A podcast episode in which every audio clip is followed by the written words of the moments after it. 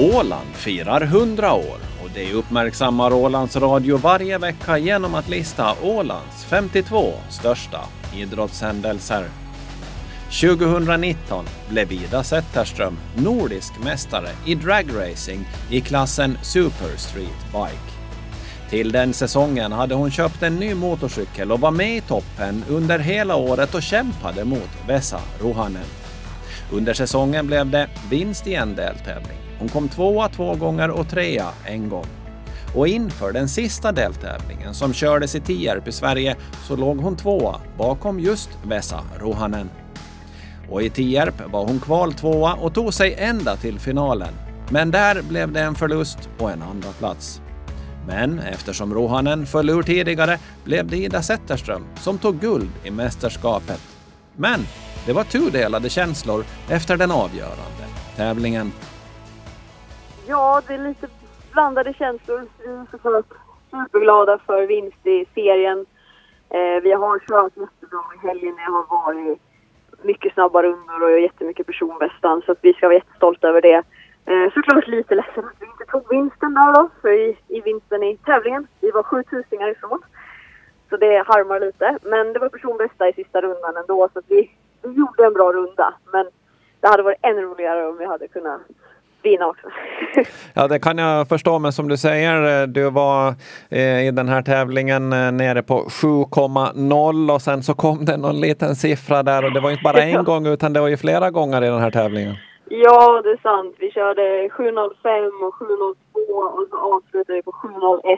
Så det var ruskigt nära sexan, men uh, 7.01, där, där slutar vi. Eh, när vi snackade inför eh, säsongen och när du inte riktigt 100 procent hade koll på var du hade Lucky, alltså din nya motorcykel mm. inför den här säsongen. Eh, hade du då förhoppningar naturligtvis, men trodde du att du skulle stå som eh, nordisk mästare när säsongen var slut då? Nej, aldrig. Vi, jag hade ju som, som mål var att sluta topp tre och jag visste att det, det är tillräckligt svårt det. Så att jag, jag tänkte att en topp fem finish är bra gjort, men om vi kan sluta topp tre då kommer jag vara nöjd. Eh, att vi skulle stå som vinnare, det, det hade jag absolut inte kunnat tro att vi skulle lyckas med. Hur eh, ser du på det då? Är det en stor bedrift?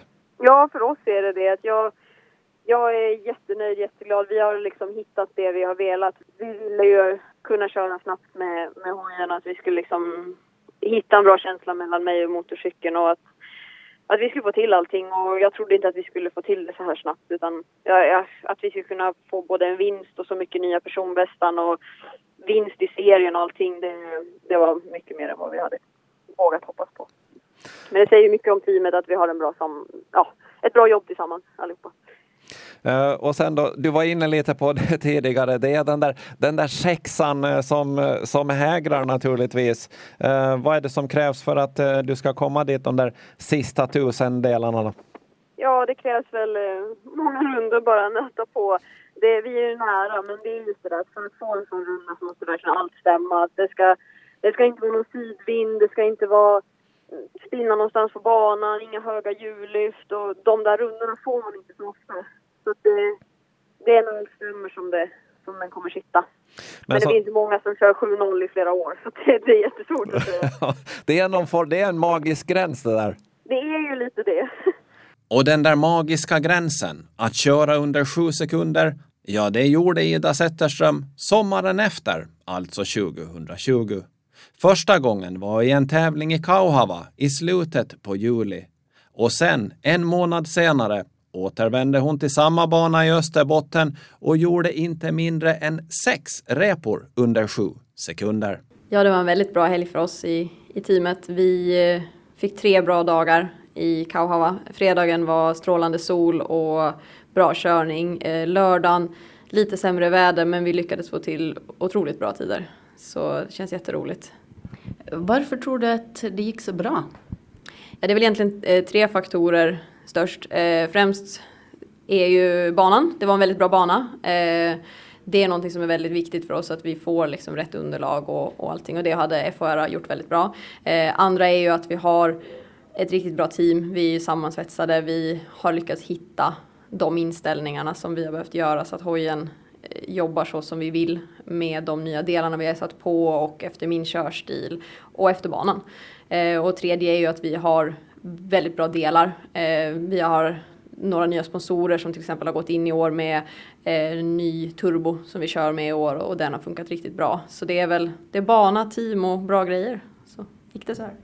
Vad har du fått för respons på det här rekordet?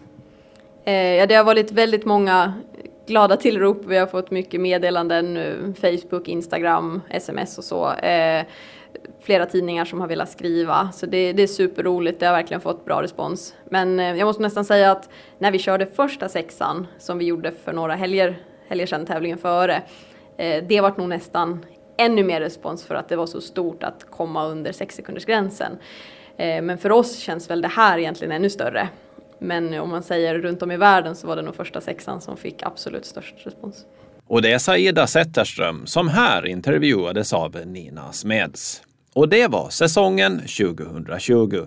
Under slutet av 2021 tog Zetterström licens för att köra dragracingens värsting, Top Fuel. Hon bytte alltså motorcykeln mot bil. Hon har förarplatsen i ett team som har jobbat ihop länge, men där man som förare hyr in sig. Redan under licenskörningen på hösten noterade hon fantastiska tider. Men i den första tävlingen, säsongen 2022, slog hon till rejält.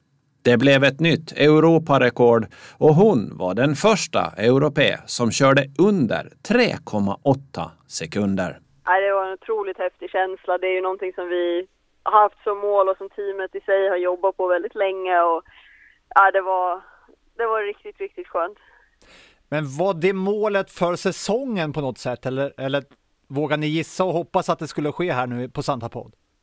Det var ju ett delmål för säsongen såklart. Vi, vi vågar inte hoppas på att det skulle hända i första, första tävlingen så här.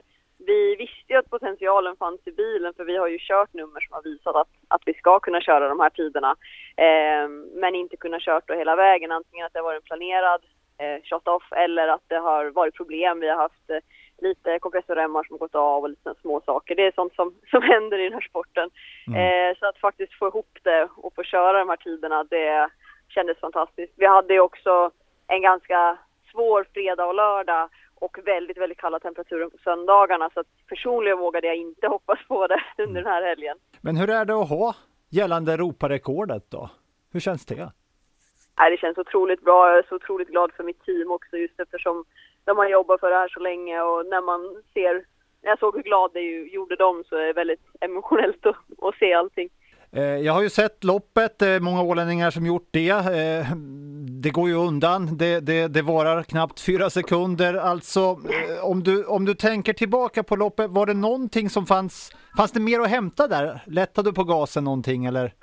Ja, det finns mer att hämta. Det var inte en lätt runda. Jag har jag har ju haft en del rundor som man känner att ja, men det här är en bra runda, det går rakt och det går fint mm. och man känner att nu nöser det på. Men direkt från start så började jag känna att jag fick däckskak och däckskak är ju ofta så att vi slår av när vi får däckskak men det var inte så mycket så jag väntade på om det skulle bli mera eller bli mindre men det tog sig och sen började den dansa omkring så jag fick styra ordentligt för att försöka hålla den kvar på banan. Man ser till och med att att precis på slutet är jag väldigt, väldigt nära mittlinjen. Men jag visste ju också att jag körde ensam så att jag visste att jag hade ingen annan på andra sidan heller om jag skulle komma över där.